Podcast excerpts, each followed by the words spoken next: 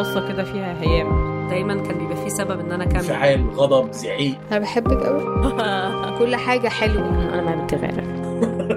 قلوب عند بعضها. قصص عن تلك الطاقة التي تحرك الكون. تستمعون لبرنامج بحب من إنتاج شبكة Kerning Cultures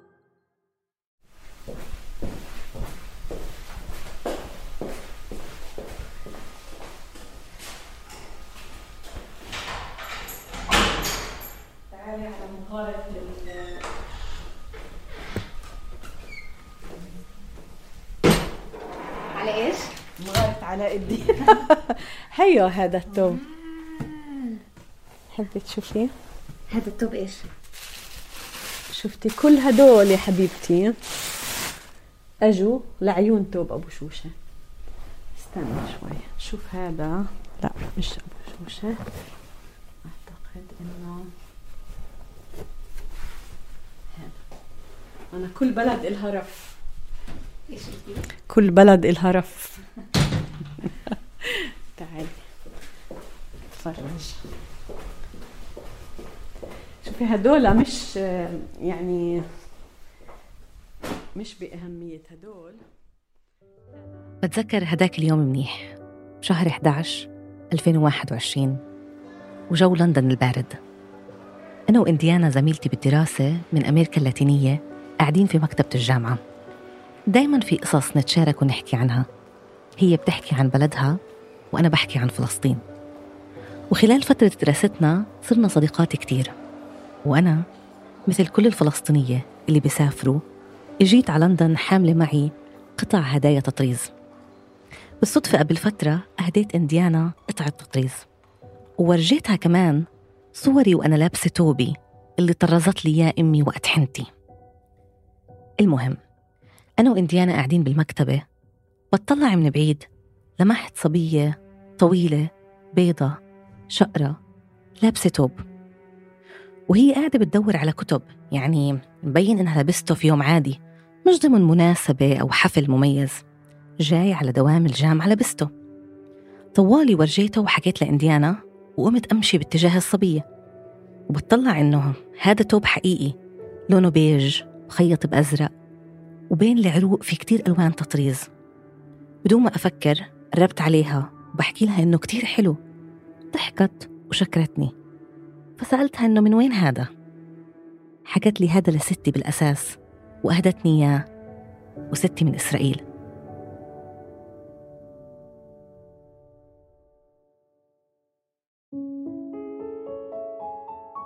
بتذكر هذا اليوم اللي بتحكي عنه رند كتير منيح. رند بعتت لي تحكي لي عن الموقف. بتذكر إنه أنا كمان كتير تأثرت. يعني من اللحظة اللي اقتلعونا من أرضنا وجردونا من كل إشي لليوم جيلنا متعلق بالتطريز بشكل كبير. في إشي بربطنا فيه تماما مثل خيوطه وألوانه. فلسطينية من كل العالم وين ما كنا في عنا قطع تطريز لابسينها أو حتى على حيطان بيتنا. وبعد هذا الموقف صار كل موضوع التطريز مختلف في راسي مع إنه طول عمري بحب التطريز. بس بعد الموقف صار فجأة الموضوع أكتر شخصي حرك إشي جواي وأسئلة عن قصتنا مع التوب. وأكتر إشي كان حاضر في ذهني ستي أنا ستي وتوبها. من أنا وصغيرة لليوم عمري ما شفت ستي بدون ما تكون لابسة توبها. ستي نجمة أم أمي هي أول إشي بربطني بالتوب. ستي اللي قعداتها وحكياتها وتوبها من أحلى الأشياء في الحياة. دايما وهي تحكي معنا تحديدا الأحفاد. تحكي لنا في حديث يومي عادي وبدون سبب.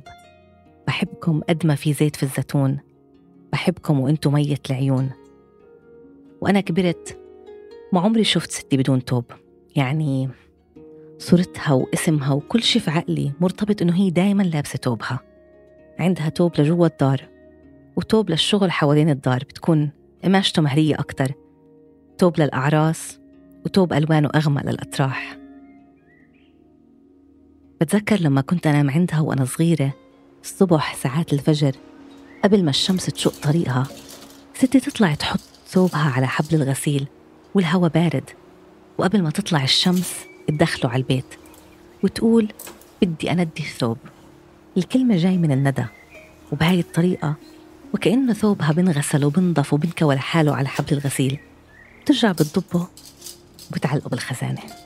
يمكن كتير منكم اليوم بيشوفوا تطريز بس التوب هو الأساس واللي هو زي النساء تاريخيا بفلسطين هالتوب مطرز غرزة غرزة بإيدين النساء بألوان وأشكال مختلفة. وتاريخيا كل توب هو قطعة فريدة بألوانه تصميمه وعروقه. وكل مدينة وقرية إلها توب محدد ومختلف بالشكل بالألوان أو التصميم العام. فكرت بعد الموقف اللي صار معي وأول ما رجعت على فلسطين أقعد وأفهم وبس أسمع عن شو وكيف إحنا عم نبني علاقتنا مع توابنا. وخطرت في بالي مباشرة مها أبو شوشة. هي بالأساس والدة صديقتي لور. لأنه بتذكر لور يوم حنتها لبست توب ساحر بجماله. ألوانه وتصميمه. وكان توب قديم ويومها قالت لور هذا توب قريتنا قرية أمي. أم لور مها قضت سنين تبحث عن ثوب قريتها المهجرة. واليوم هي عندها مخزون كبير من التواب جمعتهم على مدار سنين طويلة وهي بتحاول توصل وتمسك بإيدها توب قريتها قرية أبو شوشة. حكيت مع مها وزرتها في البيت. هذا التوب بيت جبرين هذا هذا مهم كثير. هلا فرجيك إياه. آه نشوف إشي لرام الله.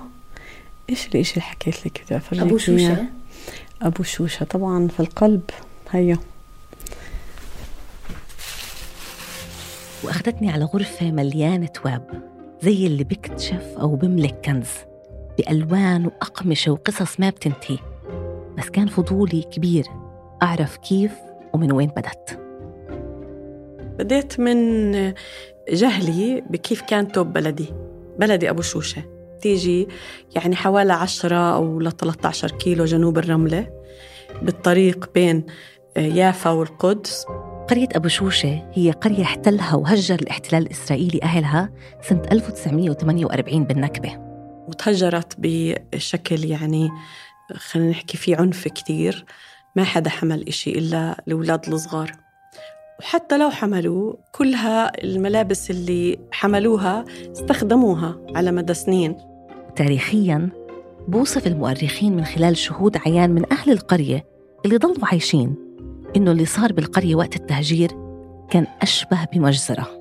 بالضبط تهجرت ب 15 5 هلا بعد الاحتلال البلد كان يعني الموضوع مش سهل وبسيط. يعني تهجرت بحرب. يعني كان في آه، آه، اشتباكات مسلحة وكان في حوالي ال 80 شهيد في البلد. ولما تهجروا الناس أجبروا أنهم يمروا من بين صفين جيش وكان إطلاق رصاص على الإجرين وإطلاق رصاص بالهواء وعلى الناس كمان. فبقدر أحكي لك عن ستي ستي أم أمي. ست مها حملت أولادها بس. كان عندها خمس أطفال والكبير حمل الصغير وطلعوا. وتركت كل شي بتملكه في بيتها وطلعت. تركت ذهبها رجع سيدي بعد آه، أشهر. على البلد كانت عارفة هي مخبية ذهبها تحت حجر مسكينة. فراح جاب لها ذهباتها وجاب لها أكم قطعة أواعي اللي يلبسوها هي والأولاد. وخلال النكبة وصور موثقة للعائلات اللي هجرت قسرا بنشوف نساء لابسة ثوابها أو حاملة بقجة بإيدها واحتمال مخبية فيها ثوبها. إحنا اللي خسرناه في النكبة الخسارة الأعظم هي الأرض وأهلها. بس على صعيد تاني وفي التفاصيل كان في تحول ونقلة في ثواب النساء لأنه النساء إما لبسوا ثوابهم لحد ما اهتروا أو باعوهم بعد ما وصلوا قرى أو مدن ثانية نتيجة الأوضاع الصعبة أو خبوهم سنين في خزاين مسكرة. هلا لما أنا كبرت شوي كنت بسأل طب أنتوا هيك كنتوا تلبسوا بالبلاد؟ لا إحنا مش كنا هيك نلبس في البلاد. طبعا يعني كل شيء كان عام شرح عام هيك. فحكيت أنا لازم أشوف كيف كيف كان التوب ما فيش حدا عنده توب. يعني فيش حدا ضل عنده توب. يا إما التبس وانهرى في حالات قليلة جدا ونادرة أو إنه ضل في البلد و آه، نزل يعني آه، لما آه، انهدمت راح معاها. ومن هون بدأ الفضول والبحث عند مها. بدها تتعرف على ثوب قريتها وبدت من قريبتها عليا واللي هي بنت عم أبوها. آه هي هاي عليا الله يرحمها.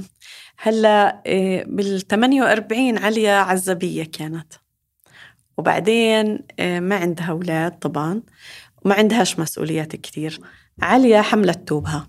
توبها اسمه المندوب.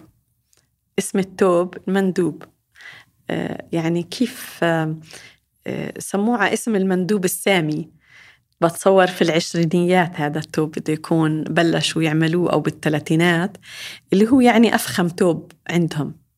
فهي حملت توب هالمندوب رحلت على غزة عليها وفي غزة عاشت في مخيم اللاجئين وخبت ثوبها في الخزانة سنين أكثر من عشر سنين. ثوب فخم ومطرز حرير وألوان كتير. فمر واحد بضل يحكي بدي آه، بشتري تواب قديمة بشتري تواب هذا بعد السبعة وستين الحكي. فهي قررت تبيع إياه بشيء بسيط وتافه وأظني ما انتبهتش هي شو المبلغ اللي كان وراح التوب. يعني التوب عليا احتمال يكون في إحدى هال collections الله أعلم. أو بجوز اللي شراه عمل منه برداية ولا عمل منه مخدات. بتخيل كان يوم من أصعب الأيام على عليا لما باعته وبعد كل هالسنين بدون ما تكون حتى عارفة مصيره. بس في كمان حالات تانية يعني بال بال 48 وبالهجرة مثلا حماتي حملت توبها. حملت توبها وكمان لما كانوا بيناموا تحت الشجر لمدة شهر يمكن شهرين مسكينة انسرق توبها. حدا تاني غيرها لبسه لحد ما انهرى يمكن. الناس كانت كلها في وضع كثير صعب. ومع كل هالقصص اللي سمعتهم معها قررت تدور بنفسها على توب قريتها. ولو كان الأمل خمسة بالمية إنه تلاقيه. وبدت من أربعين سنة. يعني وهي صبية في عز شبابها بدت تدور وتسأل بنفسها عن توبها. بجوز بآخر السبعينات يمكن 78 هيك شيء آه، أنا كنت مش لسه توجيهي أقل شوية. آه، نزلت على البلد القديمة على القدس. ولاني لأني خطر لي إنه هناك أنا شفت تواب. بلكي توب بلدنا يكون موجود. شفت توب اللي هو كان أشبه إشي في إنه يعني التطريز الكتير والحلو بجنن وهيك. حملت هالتوب روحت. حملتيه؟ آه آه وكنت محوشة مصاري على فكرة من من أموالي الخاصة. فكركم معقول إنه من أول ثوب عرفت واكتشفت ثوب بلدها؟ طلع توب بدوي هو ما إله علاقة ببلدنا. لما شافوه الستات صاروا يضحكوا طبعا يعني هدول آه، ستي وعمة أبوي ومش عارف مين كله صاروا إيه هاد توب بدويات هيك. توب بدويات مش توب بلدنا. طب كيف كان توب بلدنا؟ أول إشي صرت أعرف شوي تفاصيل أكتر. لما شافوا إنه في إشي جدي يعني في التوب بدوي. أنا يعني بنت أبو شوشة وأجيب توب بدوي يعني أفكر إنه بالتوب بلدنا هاي مشكلة. لا صاروا يشرحوا لي شوي. صار عندي فكرة توسعت أكتر بس أنا صرت أفتش عليه جدي. بس هو ما كان موجود يعني ما كان حد بيعرف يعني أنا بتذكر حتى التجار لما كنت بسأل شو عن شو بتحكي أنت المهم خلالها صرت أشوف أشياء حلوة. آه، صار الإشي يستهويني أكتر إنه أوكي طيب مش مش توبنا وعارفة أنا مش توبنا بس هالتوب دجني. هالتوب وحدة من بيت دجن يعني مشان الله أحلى توب بالدنيا هاد. وبدت معها تجمع تواب. اليوم بتملك العشرات منهم. صارت تتعمق وتبحث في تفاصيل التوب عن تفاصيله وشكله الأساسي. الثوب الأساسي هو مكون من قبة مطرزة هي شكل مربع على الصدر. الجناب اللي هو بسموه بنايك في بعض المحلات كانت كانوا بيكتفوا بأربع عروق على كل جانب تنتين زي رام الله. بعض المناطق الساحلية طبعا اللي هي من جنوب يافا لحد غزة كانوا البنايك كاملة التطريز بما فيه طبعا منطقة آه، الخليل. آه، في الديال على الظهر آه، اللي هو المنطقة السفلية من التوب.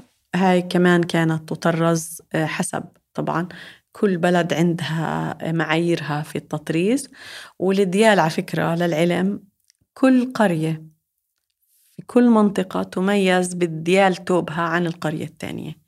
يعني ممكن تعرفي من وين هذا التوب؟ من معرفتك بالديال. يعني حتى النساء اللي بيعيشوا على الساحل ألوان توابهم وتصاميمها مختلفة عن النساء اللي كانوا يعيشوا أقرب للجبل. واضح إنه في تفاصيل في حياتهم اليومية كانت تنعكس على أشكال وألوان اللي بيختاروها لتوابهم. بدي أحكي لك عن اللون الأحمر. بتعرفي إيش بميز بلد عن التانية كمان؟ غير الديال. حط الديال على جهة. اللي بيميز بلد عن التانية الشيد تبع اللون الأحمر. يعني آه، الظل تبع الأحمر هو بقرر إذا هذا التوب من هاي البلد أو مش من هاي. يعني تصوري أنت إنها آه، لما كانوا بيروحوا بيشتروا الحرير لتطريز التوب طبعا بعرفهم اللي ببيع التواب بعرف إنها من وين. فبحكي لها هي أنا حضرت لك حريراتك.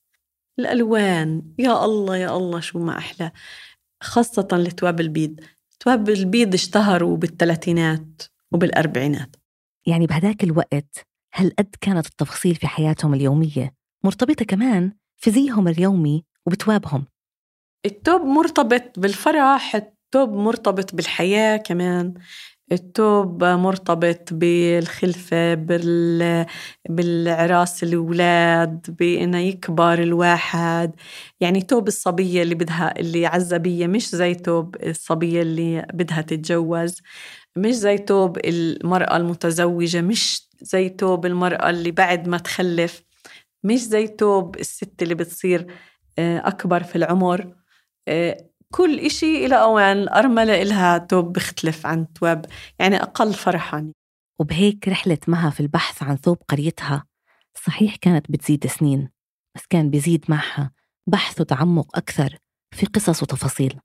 هلأ أحكي لك مش كل قرية في إلها توب كل عيلة في قرية إلها توب كل قرية فيها خمس ست تواب. بس كل قرية توبها بتميز عن تواب القرية الثانية يعني مثلا أبوي بتذكر كان يميز الست وهي جاي من أني بلد.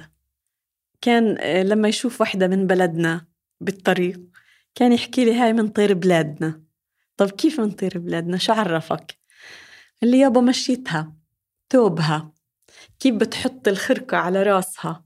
فهاي من بلدنا مثلا. كان ممكن يعني إذا شافوا التوب بيعرفوا من أني بلد بيعرفوا من أني عيلة. في البلد وبعرفوا يمكن كان إذا كثير معدلة وإنها مرتبة أو بالعكس مش مرتبة يعني كانوا بيعرفوا توب أنيه هاد.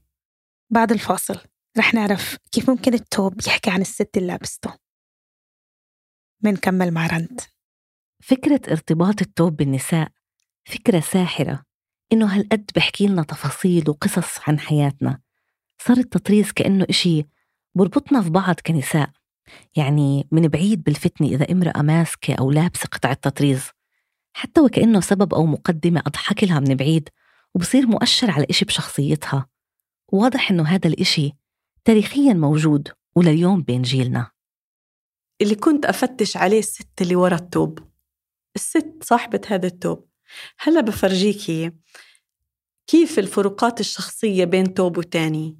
كيف أنت كصاحبة توب كاللي طرزتي هذا التوب انت هذا بمثلك انت شخصيتك كيف بركب كيف بتختاري آه، كل غرزة كيف بتختاري الألوان.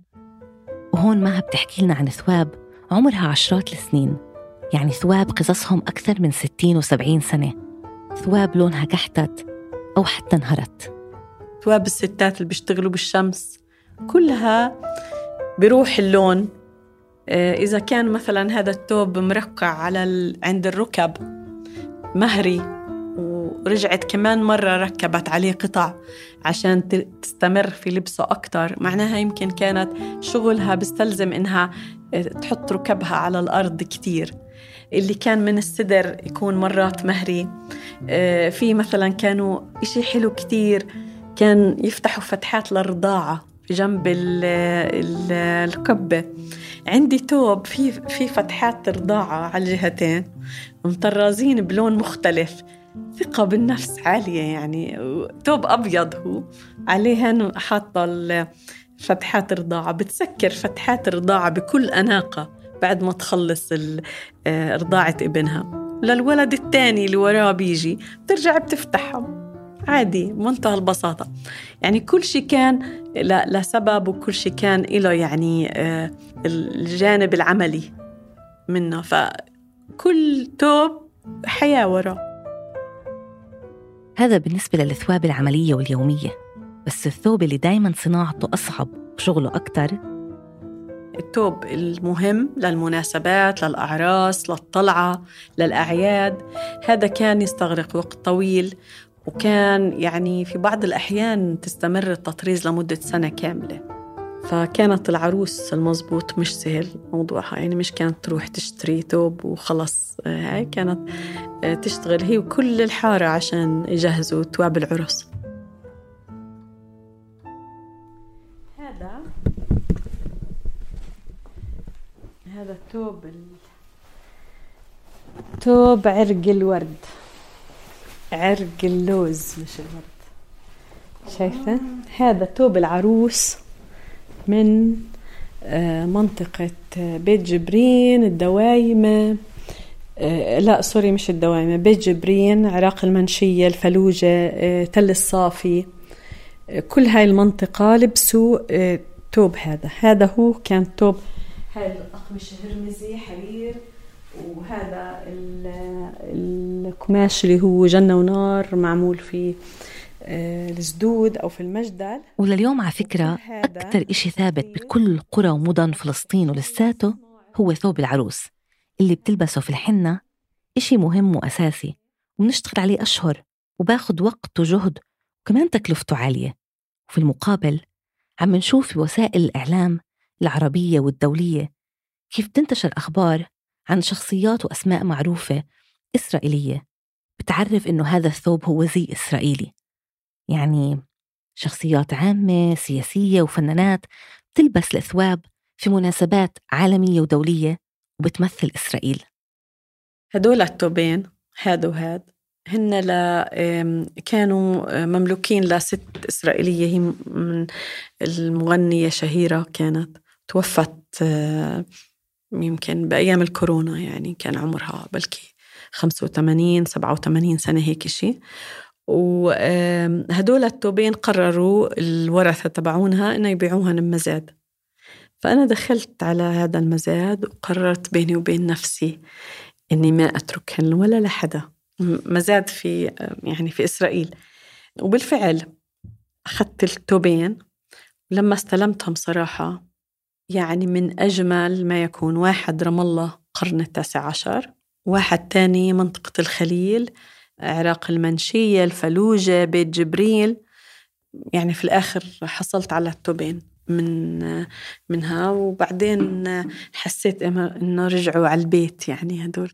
في الوقت اللي إسرائيل نهبت فعليا مئات الثواب على مدار السنين تحديدا بعد والسبعة وستين إسرائيل اشتغلت بشكل منظم ومدروس في داخل فلسطين وخارجها وفي كل الدول اللي فيها مخيمات لاجئين فلسطينية. كرست كوادر وأموال ومؤسسات جمعوا كل شيء بيقدروه من ثواب فلسطينية وبطرق مختلفة. واليوم باسم إسرائيل بيملكوهم وبيلبسوهم. وفي المقابل في محاولات فلسطينية أفراد ومؤسسات يستعيدوا هذا الثوب وخاصة الثواب الشخصية. تماما مثل محاولات مها أخذني 15 سنة يعني 14 15 سنة بفتش على توب أبو شوشة ولليوم كمان بفتش. صراحة لليوم بفتش. يعني في النهاية أجاني توب توب. هذا لابد ما يكون من بلدنا. خلص. على مدى الزمن أجاني كتير تواب وكتواب حلوين كتير. على أساس أفحصي شوفي بلكي إنه هذا هو التوب. فأجا توب ويعني توقعت إنه يكون هو طلع يعني مزبوط هو أقرب ما يمكن لتوبنا. وهون مها عشان تتأكد إذا هذا ثوب قريتها زارت قريبتها عليا. هي كانت مشهورة إنها مطرزة شاطرة في قرية أبو شوشة. وبالتالي أكيد رح تتعرف على ثوب قريتها. أخذت التوب فرجيتها إياه طلعت عليه هيك بس بدون انبساط يعني. حكت لي آه زي بلادنا زي توابنا إلبسي أشوف. لبستها أنا. حكت لي لفي. لفيت. حكت لي تشددي. يعني حط الحزام. الحزام اسمه جداد. آه، حطيت الحزام ولفيت. قلت لي بسرعة شلحيه هاد مش من ملبوسنا. شو الجريمة اللي سويتها أنا؟ شلحت الثوب ليش طب مش من ملبوسنا؟ حكت لها إحنا ثوبنا. إذا حطيتي الحزام ممنوع ورا يبين أي قماش أسود. يعني لازم التطريز يوصل لحد الحزام. إذا أقل أو أكثر من هيك بيكون هذا مش ثوب أبو شوشة. شفتوا لوين التفاصيل؟ وهيك عرفت توبنا هي إنه هذا يعني هذا اللي عندي هو اللي بسمي حالي يعني إني عندي توب أبو شوشة مبسوطة عليه. هو مش أبو شوشة بس هو قد يكون من القرى المجاورة إلنا. مش قد يكون بالتأكيد. يعني بالتأكيد من البرية الكباب خلدة صدون نعاني حتى لعاقر ممكن يوصل. هاي مجموعة القرى لبسوا هذا التوب بس أي واحد يعني وبالعكس هذا بسعدني أزود صراحة. يعني شو فرصة إني ألاقي توب أبو شوشة هي بجوز يعني بعرفش إذا في حياتي رح أمسك توب يحكوا لي آه هو هاد بالضبط. ويمكن لا لأنهم جميع أصحاب التواب راحوا يعني. بس بالنسبة إلي هاد بسوى الدنيا. خلص طيب ما وصلت يعني هذا هو. فيعني لليوم مها ما مسكت ثوب قريتها بس مسكت أقرب ما يكون له. ماشته وألوانه فيها حياة وفرح وروح. عيونك بس تمسك هالثوب ما بتلحق. من كمية التفاصيل والتناسق والفكرة اللي في راسي بتصير إنه في امرأة فنانة أو حتى أكتر اشتغلوا عليه من سنين. بإيدهم طرزوه غرزة غرزة. هلا هو التوب. يعني شو بدي أحكي لك؟ يمكن من أجمل ما ممكن إنها تفكري حتى. يعني ولا ممكن. شو ما شرحوا شو ما حاولوا يوصفوا ما كان ممكن يوصفوا لي إياه بهالجمال. آه، كانوا بغطوا الجزء الأمامي في إشي بتسمى حجرية. حجرية أو زجاف. هذا السجاف هو مصنوع من الحرير الهرمزي. الحرير حرير حر هو آه، مستورد من الشام غالبا. آه، من الألوان orange وأحمر اللي اللي محطوطة بشكل مثلثات ومربعات ومشرم كمان في عليه تشريم. وهاي بعد ما يركبوها بطرزوها كمان بورد على طريقة المد وتحشاية بسموها الغرزة. كله ورد. مرسوم. هذا الوصف الدقيق وصلت له مها بعد سنين من البحث وهالقد تعلقت بالتفاصيل؟ وصار الثوب بعني لها إلها ولعيلتها كتير. هذا هذا ثوبنا. هذا ثوبي. شايفة؟ ثوب الشوشاوي.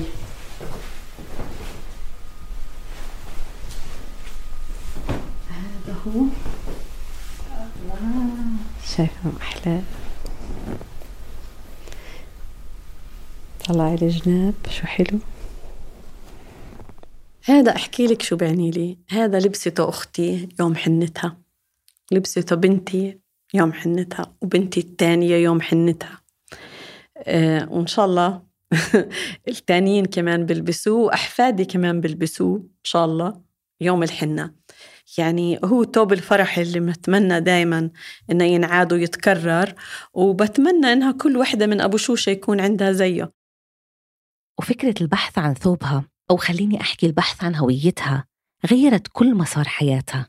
واليوم هي بتقتني مجموعة كبيرة من التواب ومهتمة وبتبحث أكثر وبتجمع قصص صاحبات التواب.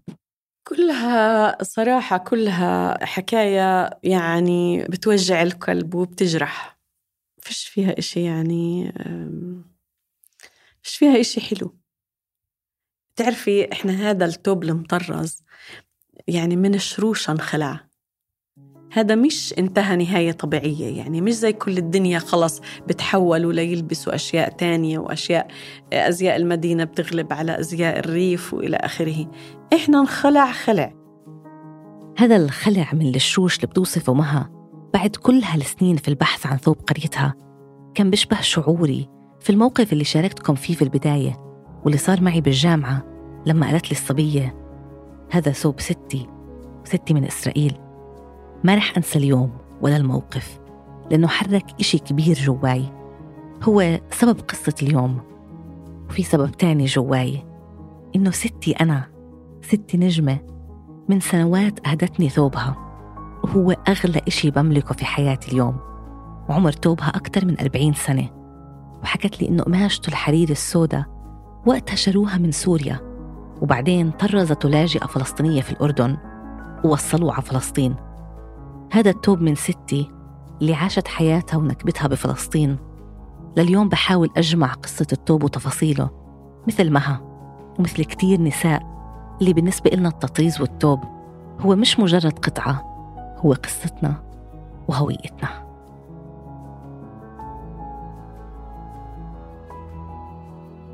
هاي الحلقة من إعداد رند خضير ومن تحريري أنا شهد بن عودة. طبعا شكر كبير لطاقم الفريق العربي للدعم التحريري التصميم الصوتي لمحمد خرزات وطبعا دايما بنحب نذكركم إنه بتقدروا كمان تتابعونا على الإنستغرام وعلى تويتر اللي فيه بننشر قصص من وراء الكواليس أو صور بتخص الحلقة. آخر طلب للمستمعين إذا حبيتوا الحلقة ما تنسوا تشاركونا تقييمكم وتتركوا لنا رأيكم لأنه التقييم والرأي بيساعد إنه الناس تلاقينا أسرع وتلاقينا على منصات بودكاست أكثر إذا حبيتوا الحلقة كمان ما تنسوا تشاركوها مع أصحابكم مع أحبابكم ومع كل حدا بتحسوا إنه ممكن يحب الحلقة. ما تنسوا كمان تشتركوا بالقناة علشان نضلكم متابعين آخر الحلقات. بلاقيكم الأسبوع الجاي بحلقة جديدة من برنامج بحب. باي باي.